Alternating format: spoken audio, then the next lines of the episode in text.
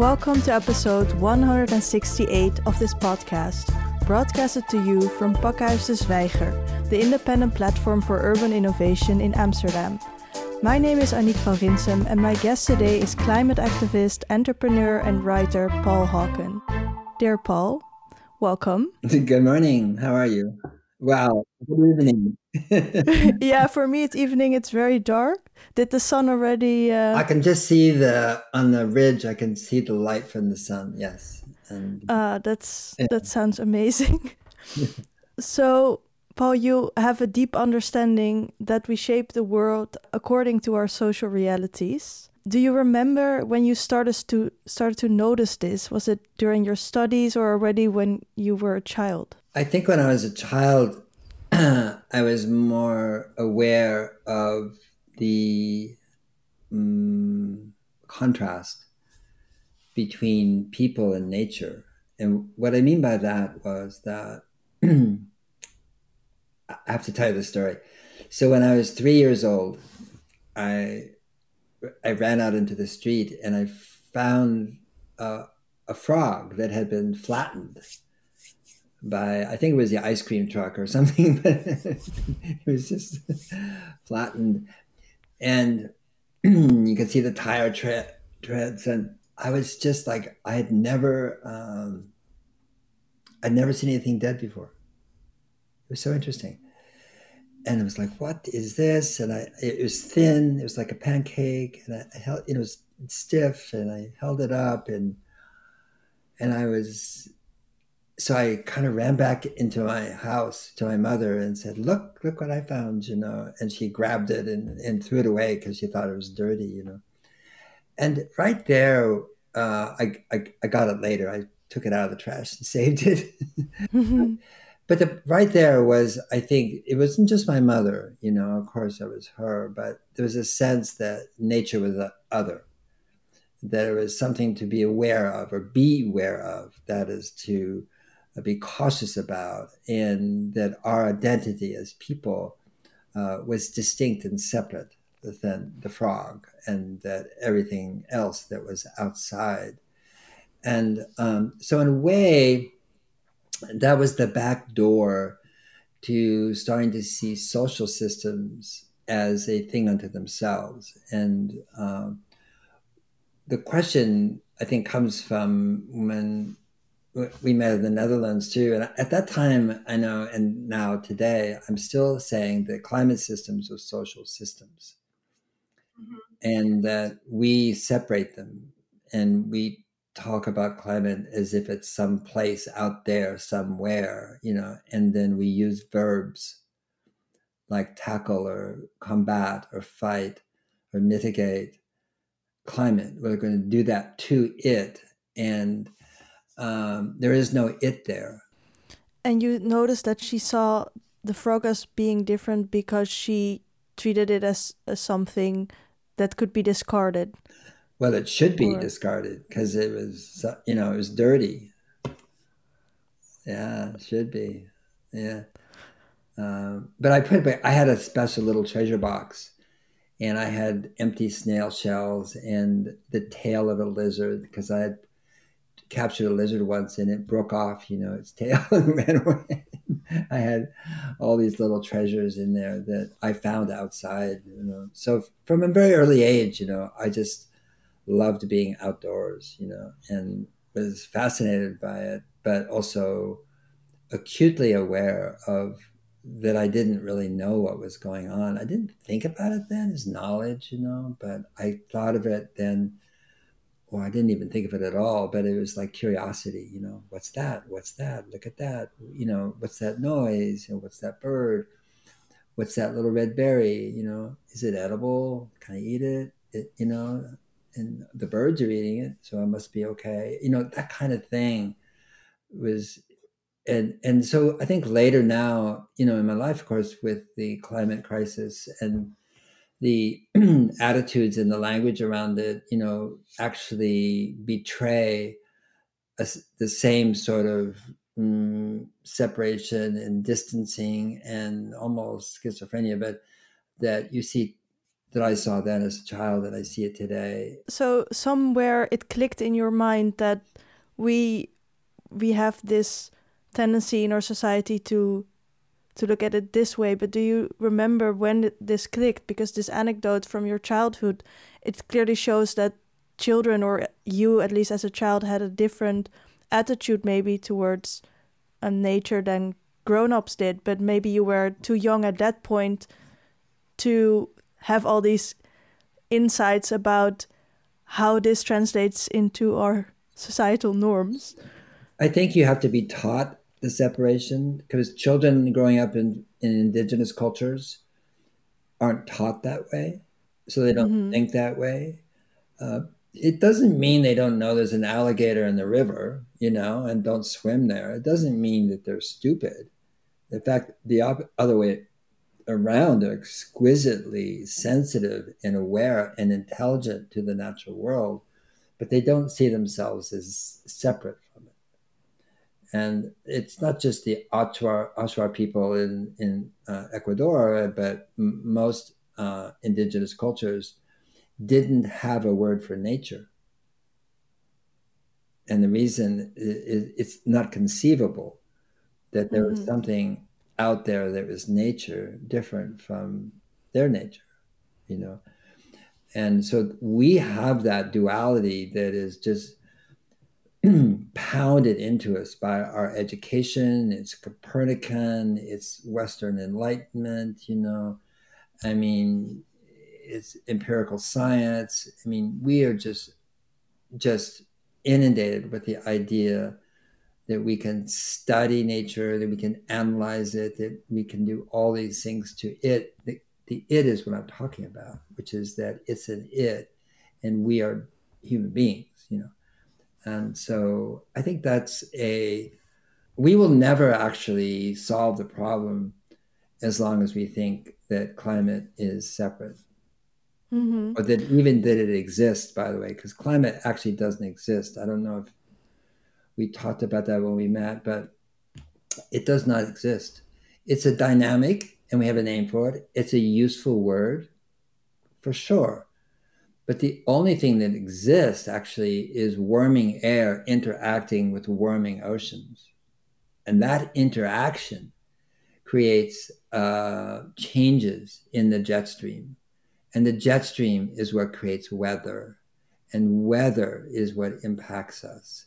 Too hot, too cold, too much water, too little water, too, you know, cyclonic disturbances. All these things are impacting us but that comes from the from the dynamic of warm air and warm ocean waters, creating basically different uh, jet stream um, configurations. And so that's what we're witnessing, that's what we're experiencing.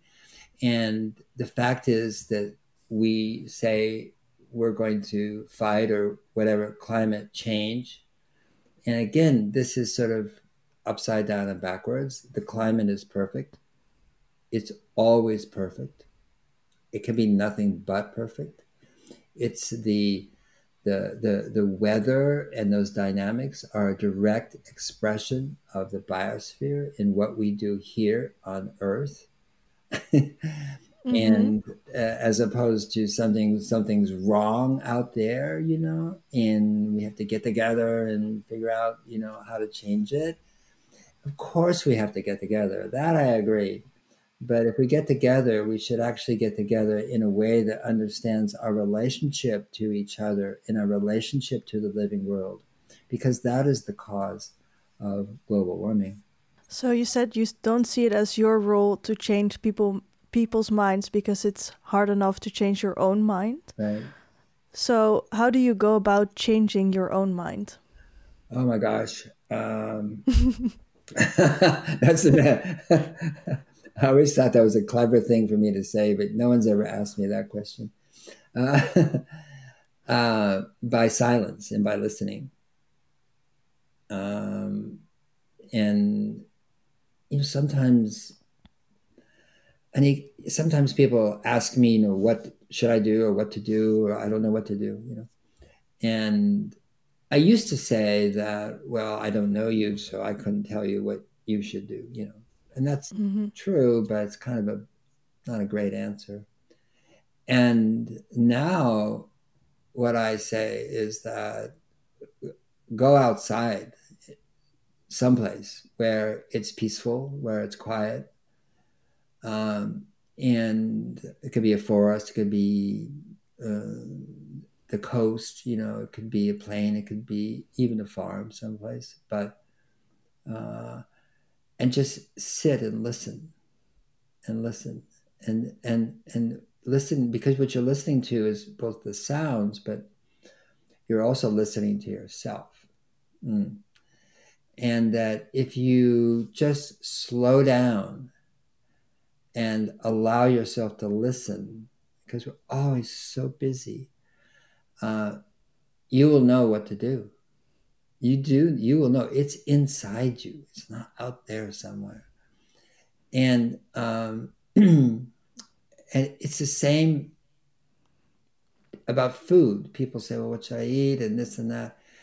And I say this to them, which is like, just, you know what not to eat or drink, or, you know, like, you know what's bad, you know, ultra processed foods. And obviously, you know, you know, alcohol is a neurotoxin and, you know, and sugar and, you know, you, you know, all the things you, you shouldn't be eating at all, you know, just if you stop all that, then your body will tell you what to eat. Your body knows. This this is this idea that somehow we've got to figure it out, you know. But actually, we have the sense within us to know what's the proper thing to eat, the best thing for our health. And we also know what is the best thing for us or me, an individual, to do at this time in history which is yeah. extraordinary. So you seem to be really good at unpacking um, these social realities and seeing uh, that they come from our culture, but really understanding the connections between the thoughts that have shaped how we think now. And how do you come to these insights? Um, and ha have you noticed this process of change also in your own mind when that you started to notice it more and more started to be more eloquent also in your own thinking about these connections well i use the word regeneration as you know and um, some people may think that's like, like, a concept it is a word of course uh, but from my perspective uh, regeneration is describes the uh, the, the, the innate mode of all living things, whether they're a bacteria or a forest or a bear or a fish or a human being. And the default mode of life is regeneration, which is that it constantly renews and restores itself. And yes, there are cycles of birth and death within that, but the activity of being alive, the very expression of life itself is regeneration.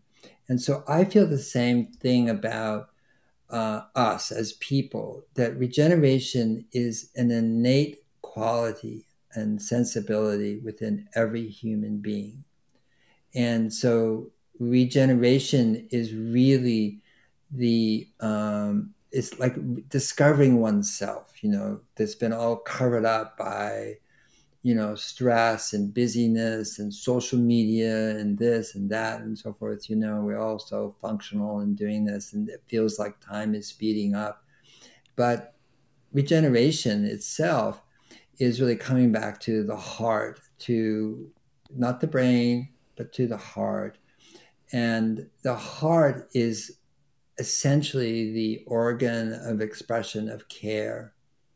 In other words, caring for self, for example, oneself, for other, for other people, friends, family, wife, husband, daughter, son, grandfather, grandmother, uh, for neighbors, for friends, for place, for animals, for community, for society, for we have that. Every person has that. Now, some people have it less, maybe. It's all covered up. but it's innate to the human heart. It's innate to being a human being.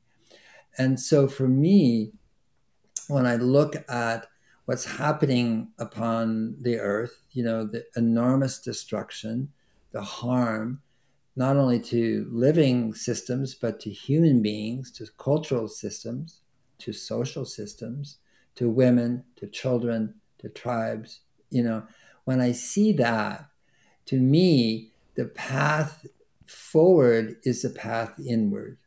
And I don't mean inward in the sense you should become a Christian or a Buddhist or a Hindu or this or that. I'm not talking about a belief.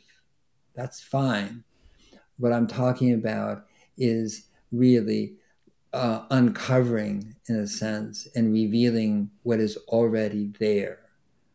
And so, if we are going to reverse, you know, the enormous harm that we are causing is not happening out there somewhere. We are doing it in our life, in what we buy, what we, how we how we travel, how we think, you know, what we say, what we produce, what we make, what we do with our money. All these things are part of an extractive economy that's taking life, taking life, taking life, taking life. And but that's not really the innate quality of what has kept human beings here alive for 2 million years. That quality has been one where we actually produce more life for future generations. We think that way, you know. And we now think that money is what's going to help future generations, a big pile of cash, you know, that we can leave when to our children when we're dead. But the only thing that really preserves and protects future generations is to create more life on earth, you know. And so that that that that connection that understanding it doesn't mean there won't be jobs so we have currency and money and you know guilders and euros and dollars and we will but but to what end you know to what purpose? Uh, and so uh, i just feel that regeneration is about coming home and this is home this this this this amazing thing as a, as a expression of our body uh, is our heart, and uh, it is the treasure, you know, of all treasures, and it is the treasure that actually tells us what we need to do. So, in 1965, being 19 years old, you worked with the Martin Luther King Jr. staff uh, in Selma, Alabama, prior to the historic March on Montgomery yeah. as a press coordinator. What drew you to this place back then? Well, I I grew up in Berkeley, California, which is a university town, and so my father worked at the university. So I was really exposed when I was a child and teenager to a lot of um, progressive thinking. You know, it's called progressive. Um, and I lived in a town that was West Berkeley, uh, was African American and so everybody I went to school with, there was African American children in my schools. And so I grew up with African American children. I didn't think much about it when, you know, I mean, they were just, I mean, they, they, they were a different color. But I mean, when you're a child, that's almost meaningless, you know? And, um, and so when the civil rights movement began, in the early 60s and so forth, I was certainly aware of it. You know, it was on TV, you know, it was in the news, and you saw, you know, terrible things happening, you know, beatings and killings uh, and cruelty to African Americans who were demonstrating, protesting, you know, sit ins at that, you know, going into cafes where they weren't allowed to even be served and sitting in the white section and things like that. Obviously, Rosa Parks, uh, the Montgomery bus boycott, where she got onto a bus uh, in December in the dark at night, and uh, and she was told to she sat in a place that white people sat. She didn't go to the back of the bus, and uh, she got on there and she wouldn't move, you know. And it's so interesting because the bus driver, who she she met that night when she, the door opened, the bus driver was a driver who 10 years earlier had physically taken Rosa Parks and thrown her off the bus. Come on. But she had the courage and bravery to get on the bus, sit where, and she was told by a white man to go to the back of the bus, and she didn't. She got arrested. And that was the beginning of Martin Luther King because it was the Montgomery bus boycott and the women there who then heard about this young Baptist preacher, you know, from Atlanta, you know, who was very eloquent and good looking and had a family and all that sort of stuff, you know, and he was all that. And they hired him to come into Montgomery, Alabama. Uh, and so that was, you know, the birth of the of the civil rights movement in some ways. There was many other roots it had. Uh, and the March on Montgomery was uh, Alabama, uh, was the um, uh, started by teenagers and teenagers in Selma, Alabama, and uh, and they were going to Montgomery to protest, and they got beaten again and again and again, and finally more and more people, you know, uh, John Lewis, uh, notably, but certainly many other civil rights workers joined and that became the March on Montgomery. And I was down there. I, I came early, and I was young, and uh, I did nothing heroic. I can assure you. I was a press coordinator. That was that we registered the press because people were getting killed, and we wanted to know who was there and to keep track of them for their sake or their family's sake. But that's what I did. And then finally, I was a race marshal to Montgomery, and then. Uh, uh, the night before uh, the final march and then that day. So, but I did get to meet and listen and watch Martin Luther King and many others, you know, Jesse Jackson and Ralph Abernathy and so forth. I mean, the whole hierarchy of the civil rights movement was there at the end, you know, and so I was a fly on the wall. But it had a really big impact because of the courage and the bravery uh, that I saw. And it was a nonviolent mo- movement, as you know, based on Gandhian principles.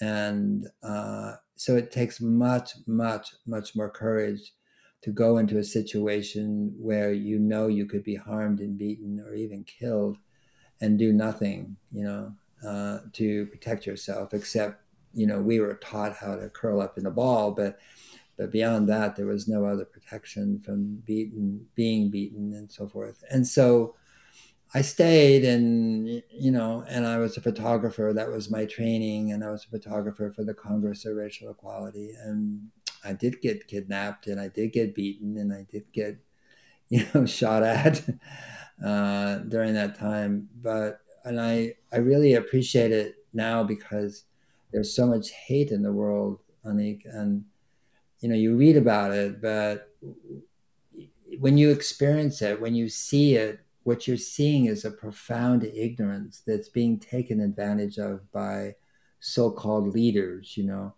Uh, and you see it today. You see it in bolsonaro. You see it in donald trump you know?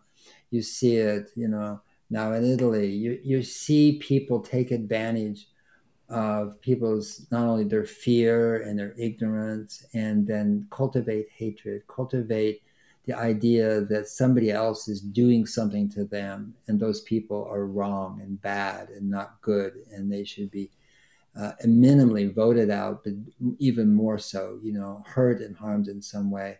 That is the politics of today in many, many places on the earth. And so I feel like my experience in the civil rights movement sort of gave me an insight into how human beings go way, way off, you know, uh, in terms of their true nature.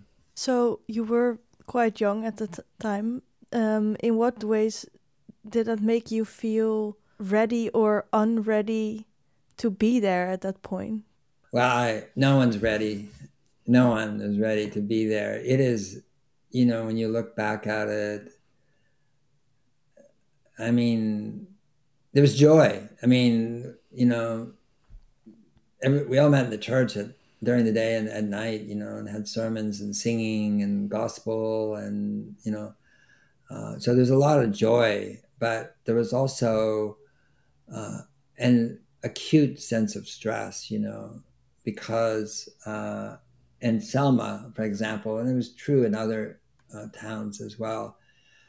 If you were just a white boy like me, white kid, uh, they could tell instantly if you went into town, if you went out of the black communities, you know, they knew instantly that you were a civil rights worker from the North or West in this case, but, and uh, you were vulnerable. Uh, and so there was that contrast where you had black communities that were really quite beautiful in the sense that they had been uh, uh, uh, developing a culture, you know, uh, for years and years, you know, uh, from the oppression of white people. Um, there, there was so different than anything I'd ever seen before, you know, as a white person, and you were accepted, you know, and which was so amazing because you were so rejected by the actual white communities that you were working within in the South. And I think it it just it gave me a really powerful sense of what human beings can do when they work together, when they're connected, when they uh, are courageous. And um, you know, some people sometimes any people say, "Are am I hopeful?" You know, uh, about the future, and I say no, I'm not hopeful. And the reason I say no is because hope is based on fear. And you can't hope for something unless you're afraid of something. In other words, you have to have something you're hoping for because you hope something doesn't happen.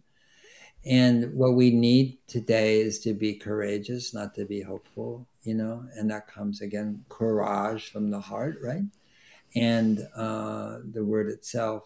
So, um, so I think that was really great for me to be around people who were enormously courageous and uh, were grounded in truth, you know, and the truth being the sanctity, the dignity of a human being, you know, uh, and um, so that carries that's carried forward to this day in terms of how I see the um, the movement to restore, renew life on Earth. That's what COP15 is about in Montreal, the UN uh, Convention on Biodiversity. Um, but I, I, I don't think it's going to happen just by conventions in the UN. It has to happen in place, you know, in cities, in countries, in locales, in communities, in churches, in colleges. It has to happen where we are, where we live, you know, where we where we work, you know, and and and that's where this uh, movement to restore life on Earth has to arise because it's we're losing it everywhere and people are everywhere. And so to reverse that degradation to re- reduce the harm to reverse the extractive nature of our economy and our own personal desires uh, we need to focus on ourselves and then our friends and our family and our community. And and that's where we can make the biggest difference so, on the 1st of October this year, Prince Carlos de Bourbon de Parma presented you with the Dutch translation of your own book, Regeneration Ending the Climate Crisis in One Generation. Um, when did you know you were going to write this book and how did you go about it? That's a really good question. I don't know if you ever know when you're going to write a book, you know, like it, just creeps up on you. mm-hmm. You know, it's like, it's like, you know, it's like looking at nature, you know, and you look at things you're familiar with, but everything is changing, right? The trees are changing and they're growing and the plants and so forth, but it's only in comparison. And I think that, I mean, I started talking about it in uh, 2010, you know, giving talks on regeneration and, um, and it just seemed obvious to me uh, that that was the uh, unifying and core expression of humanity in what was needed on earth now, always, by the way, not just now. um, and that we lived and were educated and operated and did business in a world that was degenerating, that was life was ebbing, that every living system on earth is in decline. Every living system on earth is in decline, and there's not one peer reviewed scientific paper that contradicts that that's been published in the last 30 years. So that's just hello. What does that mean in practice? And life is ebbing on earth. It's ebbing, it's declining. All life. It doesn't matter whether it's forests or in the sky or in the oceans or in the coast or in wetlands and grasslands and mangrove or you know insects pollinators you know you just check off every single expression of life on earth and it's declining. Because i would think that human life is still growing. Uh, having more species doesn't mean life on earth is increasing. So what does it mean it means that it's just like let's say um, you uh, are wasteful and you just you know th- put food everywhere in your city and you know you, are throwing away food and you get lots of rats. It doesn't mm-hmm. mean life is increasing on earth. It means one species is becoming dominant. That isn't increasing life on earth. So it's uh it's more unequally distributed? Like well i mean the human beings are a point what oh oh three percent of life on earth. I mean it's just so teensy you know? So you have to look at the from a system as an ecosystem. In other words because life is a system without which we die. Uh, you know uh, human beings die perish. So we uh, have to look at from that point of view as opposed to you know, there's more human beings this year than last year, so therefore life is increasing on Earth. No, it's not. If you do the sum total of what happened in one year, you know, then life is in decline. Our, our fisheries are in decline. You know, uh, the acidification of the oceans, the deforestation, you know, the pollution of water and air, certainly, you know, the collapse in insect populations and pollinators, the decline in bird populations, the decline of insects causes the decline in birds as well, as you know, because birds eat insects and so forth.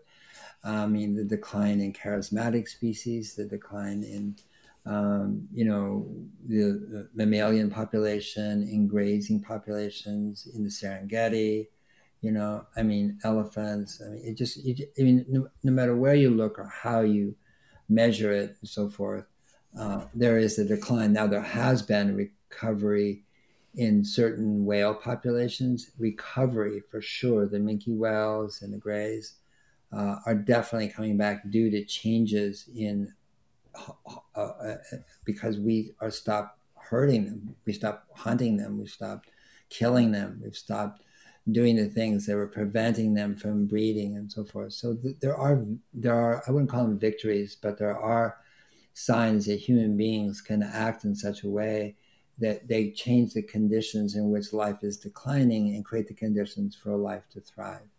And so if we can do it with certain species in certain areas, we can do it for ourselves, we can do it for the whole of the planet. We know how to do that. And that's about creating the conditions that are conducive to life because that is what you know that's what life does. What does life do? Why is it here? It creates the conditions for more life. And human beings for uh, especially indigenous cultures you know in the last you know 5 to 40,000 years if you really look at what they were doing are doing in many cases but uh, were doing what they were doing is being keystone species. And a keystone species um, uh, is a species that bees are, hummingbirds are keystone, wolves are keystone species. But keystone species create more life than in the natural way that they live their own life, they create more life for others and themselves. And so human beings, on the whole and largely, uh, were keystone species.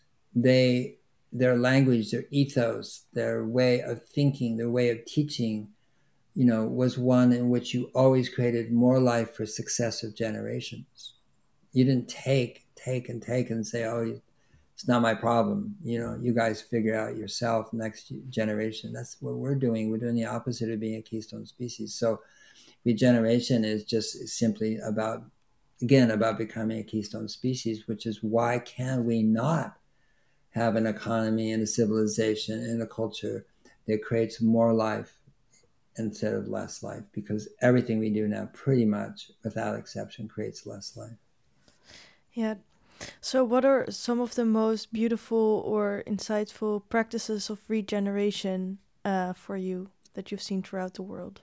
Well i see them you know culturally tribally. I see them you know in ecosystems. I see it from you know mangroves to to uh, riparian corridors to it's just there's so many people doing so many wonderful things. The things that individuals can do the most powerful thing an individual can do they do three times a day and that is they choose what to eat and where it comes from and how it's made i mean that is the most conscientious thing that a human being can do it doesn't matter whether they live in the country or the city in an apartment uh, or on the land. I mean, that decision has been made pretty much by industrial corporations, by supermarkets, by advertising, by getting people addicted to ultra processed food and sugary food and salty food and all this, you know,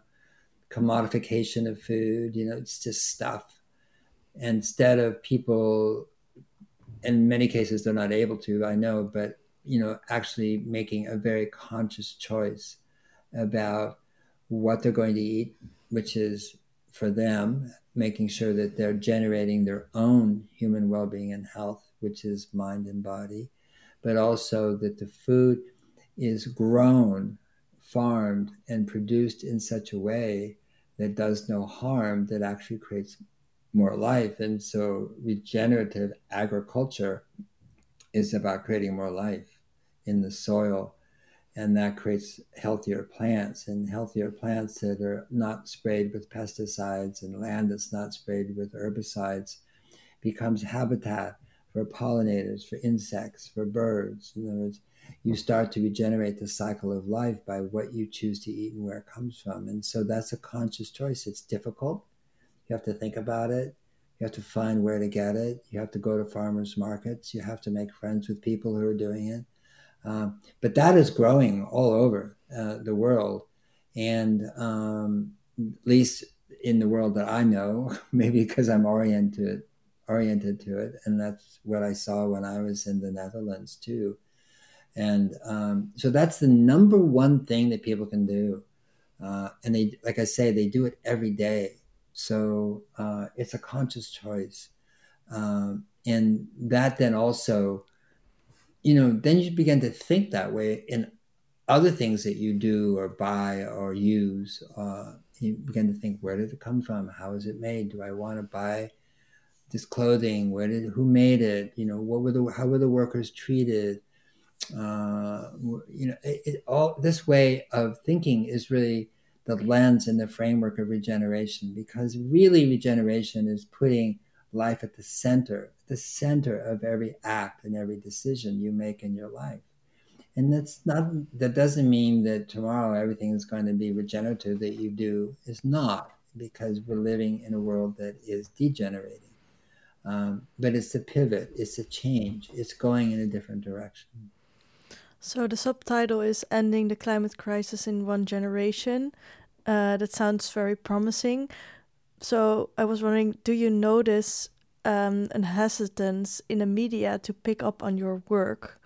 Because if it's possible to end the climate crisis in one generation, I would hope every media outlet would pick up on on that.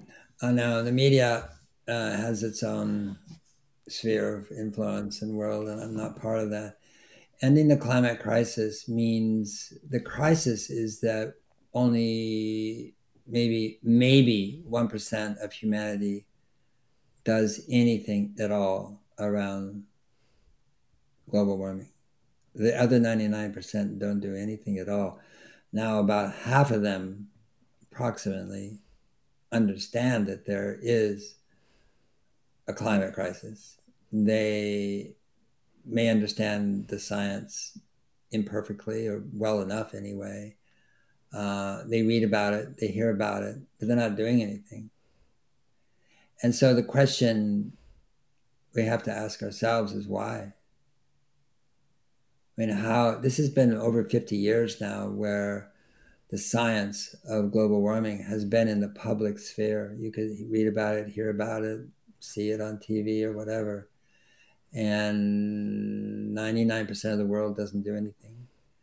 So we have to make, in a sense, self reflection uh, in terms of ra- rather than blaming people or saying, you know, they're stupid, they're not stupid. And uh, how did we create a movement, a climate movement that actually, I would say, turns people off? In other words, it just it makes them feel like, oh, thank you, yeah, okay, and then they go back to what they need to take care of, which is themselves, their job, money, income, family, you know, paying the heating bills, whatever. I mean, that's what most people do in the world every day. And they worry about that day, existential threat, that day, that week, now. And they don't worry about future existential threat because they can't afford to.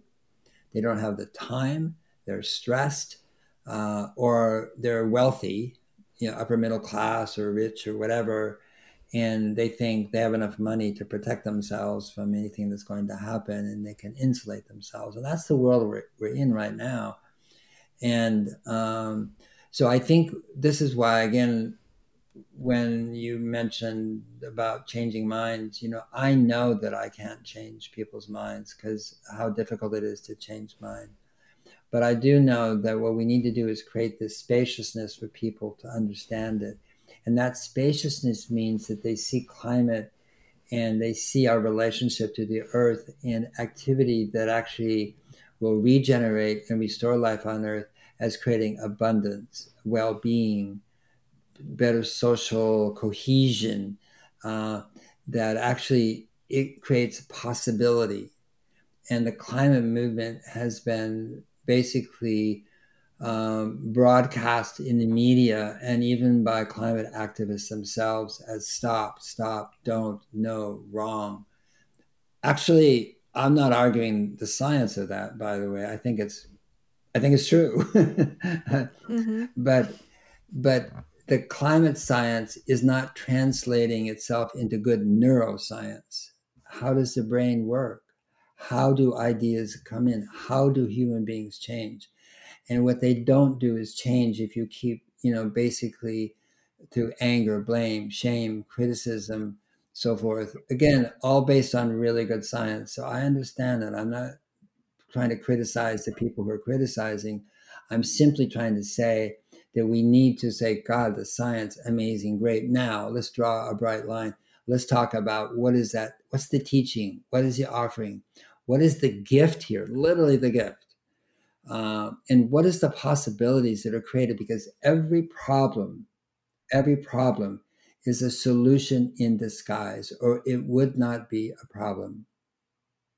And so the the impacts of global warming uh, are basically uh, we're being homeschooled by the earth by our mother the earth if call it what you want. We're being homeschooled and we're being taught every day and we can either accept that and listen to it and say, what does that mean to me, to my family, to my country, to my life, to my culture, to whatever? Or we can try to ignore it. And most people ignore it because they don't see the solutions to the climate crisis as having to be helpful to them. And if they don't see it helpful, then they're going to say, well, I hope you guys fix it somehow. I have a life to lead. And ending the climate crisis doesn't mean we don't have work to do for decades to come. It means that we start to feel that humanity is on the case, that it understands that it's starting to move together, you know, in cooperation, in collaboration, and making changes in a, a, a, at a rate that shows us that we can hit net zero, that we can hit drawdown, that we can reverse the amount of carbon that's in the air and bring it back home because carbon is the food for life. It, every all life comes from carbon through photosynthesis, you know, into food and animals and things. So I mean, what we're talking about is instead of putting it up there, is bringing it back home. And the ways we know how to do that, that we can do, actually are exciting, that are energizing, that give, that offer, that help, that support, that create well being for people and create a better life for everyone on earth. You know, if we think well being is being an oligarch and having yachts and so forth, no, it doesn't do that.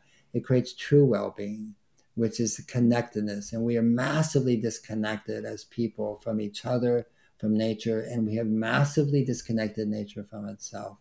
So the way you heal a system is to connect more of it back to itself. And that's what regeneration does. And it's just a simple act done day after day, you know, week after week, you know, family after family after community after company, etc., is to put this back to, to kind of knit this back together, you know, this thing that we've torn apart.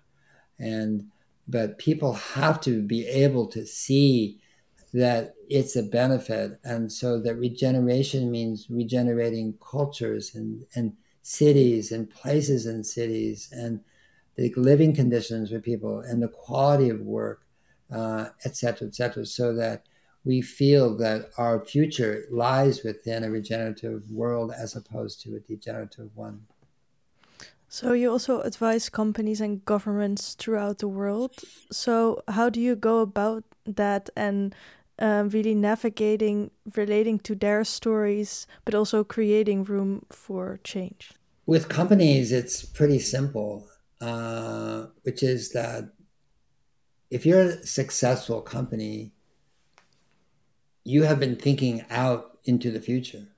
You're not just doing day to day, and then one day look up and the whole world has changed, and your product no longer is saleable or nobody wants it and so you're always thinking about the future. You're always, you know, inter interrelating your corporate entity or your company uh, to society as a whole. And right now, society is changing more rapidly than ever in human history, as you know. But what's also changing more rapidly is the earth itself and the conditions in which food is made, supply chains, everything is changing extremely rapidly. Now, if you are a CEO, if you are responsible for a company's progress and its existence going forward in time, then what are you going to do? Because what we saw in this year, 2022, is extraordinary examples of the impacts that global warming is having. And we know from science that those impacts are only going to get uh, more pronounced, going to get graver, more troubling, uh, and than we saw in 2022. I mean, the Po River dried up. There is no record in recorded Italian history of the Po River being dry. The Rhine dried up, okay? The Yangtze River in China dried up and they had to turn down, they had to t- factories shut down because there was no hydroelectricity. These are small things, you know, in a way, but they're tells. And so if you're a CEO of a corporation, you want to make your company resilient going forward in time. And so regeneration is about pragmatism because companies, if they're not pragmatic, don't exist for very long.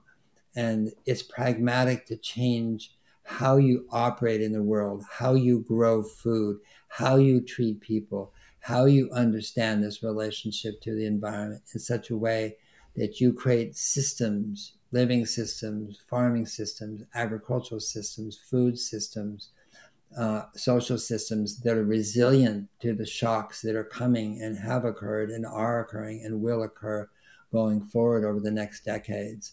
And so that's how you teach regeneration. And they will say, what does it mean? It means putting life at the center of every act and decision, because that's the only way a corporation is going to be viable going forward in time. Otherwise, they're going to lose um, their customers or their supplies or both, or they're going to find themselves, you know, basically, uh, um, uh, what's the word? I'm thinking for the word, but basically out of step with the world as a whole, with the earth. They live on earth too, corporations just like everybody else. And if they haven't thought about how to change their company to, to actually not only adjust to what's happening, but actually to get ahead of it and take those actions that are going to restore uh, the viability of their supply chains, then they're not being a very good CEO. Corporations are nature too. They are an expression of human nature, no question about it.